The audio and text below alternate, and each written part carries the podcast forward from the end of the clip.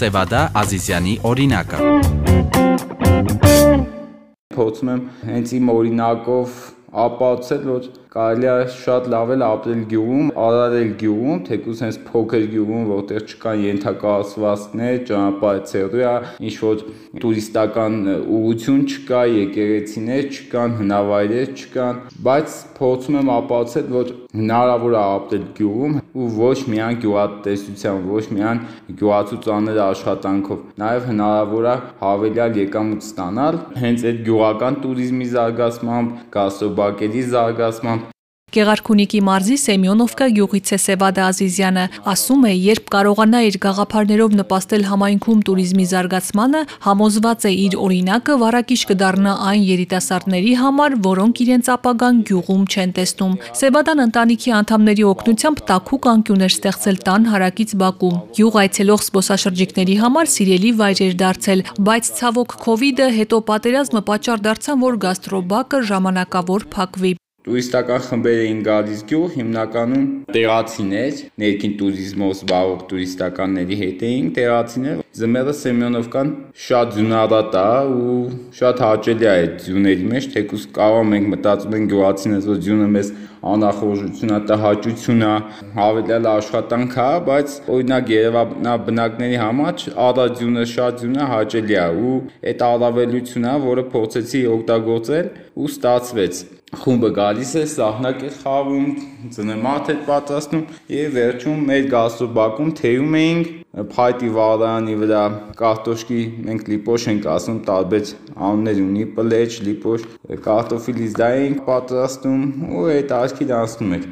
Ձնառած Սեմյոնովկան ծովի մակարդակից բարձր է 2014 մետրով։ Մի կողմից Սևանալիչն է, մյուս կողմից Դիլիջանի անտառները։ Սևադայի կարծիքով գյուղը ձմեռային սպորտաձևերը զարգացնելու մեծ հնարավորություններ ունի, քանի որ մինչև գարնանվերջ ձնառատ է։ Սեմյոնովկա եկող հանգստացողի համար շատ հարմար է, եթե ինքը պլանավորում է մի քանի օրվա հանգիստ, ինքը կարա միաժամանակ օգտվել համ Սևանա լճից ծամարվա սեզոնին, համ Դիլիջանի անտառներից, իսկ ձմեռն էլ միանշանակ շատ արածյուն, որ կարա դահուկ քշի, սահնակ քշի, վայլի խորը ձմեռ է, էլի։ Դեռ ենթակառուցվածքներ չկան, բայց ի սկզբանե հենց ծրագրերի մեջ էր ու դեռ մտածում եմ, որ կարողանանք հասնել դրան, որ ունենանք դահուկներ, ունենանք սահուղի, ունենանք ձիեր, ոչ կտրամադրենք հանգստացողին, հետարքի ճանապարհ ունենք գյուղից անտառամիջյան ճանապարհով, բավականին, նու կարելի ասել կարճ է ինքը ճանապարհը, բայց շատ հետարքի կուսական անտառներ գնում հասնում է դեպի Գոշլիչ եւ Գոշավանք։ Եթե ձիեր ունենանք, կազմակերպենք այդ տուրերը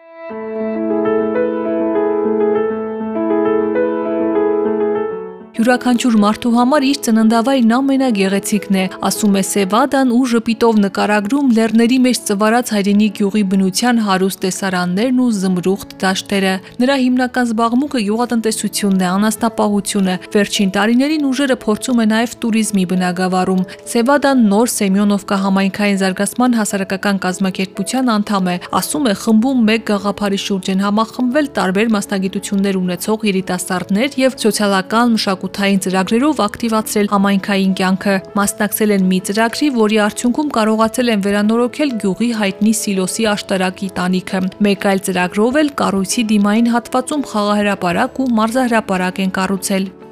Ու իրականում շատ մեծ քայլեր դեպի առաջ, դեպի Սեմենովկայի զարգացում ու անհանրացնում Հետո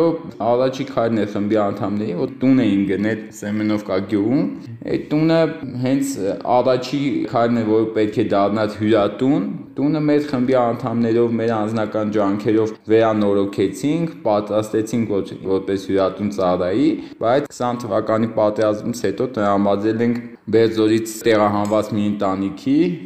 մի կին 5 երեխաների հետ ապրում են այդ տանը միանշանակ անվճար հիմունքներով։ Դեռ այդ մարդիկ են ապրում, չենք պատասխանում այդ մարդկանց դուրս անել տանից, երբ այդ մարդիկ իրենց կացության հարցը կլուծեն, այդ տունը ելի կօգտագործենք որպես հյուրատուն, 44 օրյա պատերազմից հետո կազմակերպությունը վերանվանվեց դեպի Հայք եւ հիմա Սյունիքի մարզի գյուղերում է գործունեություն ծավալում։ Սևադան ասում է, ցանկացած համայնք զարգանալու մեծ պոտենցիալ ունի, միայն պետք է գտնել այն ճիշտ օգտագործելու ուղիները։ Ամեն դեպքում պետք է երիտասարդությունը այդ հույսը կապի իր գյուղի հետ ու չփնտի այդտեղ աշխատանք, որովհետև գյուղացուն աշխատանք պետք չի։ Գյուղացու աշխատանքը միշտ կա, իր գործն է, իր տնտեսությունն է, որը որ պետքա փորձես զարգացնել։ Ես տեսեք մտածում եմ ծրագրերս իհարկե туриզմի բնակավարի հետ են, բայց երբեք չեմ բացառում, պետքա զուգահեռ լինի նաև հողագործությունն ու անասնապահությունը, որովհետև եթե տեղական туриզմով զբաղվող կազմակերպությունների հետ, այլ դասի туриզմով զբաղվող կազմակերպությունների հետ մտածում եմ, որ դասի туриստները, որոնք գալիս են Հայաստան, իրենք կհոգնեն, անշուշտ կհոգնեն մի քանի օր անդադ հայկական եկեղեցիներ, դարավոր պատմություններից ու կփորձեն մտնել տեղացու կենցաղի մեջ, այսինքն գան գյուղացուն թեկուզ եւ օգնեն բերքահավաքին, խոտ հավաքելուն, անասուն պահելուն ու այդ իրանց համար ավելի հետաքրքիր կլինի, քան Երևանի 4 աստղանի կամ 3 աստղանի հյուրանոցում գիշերել են։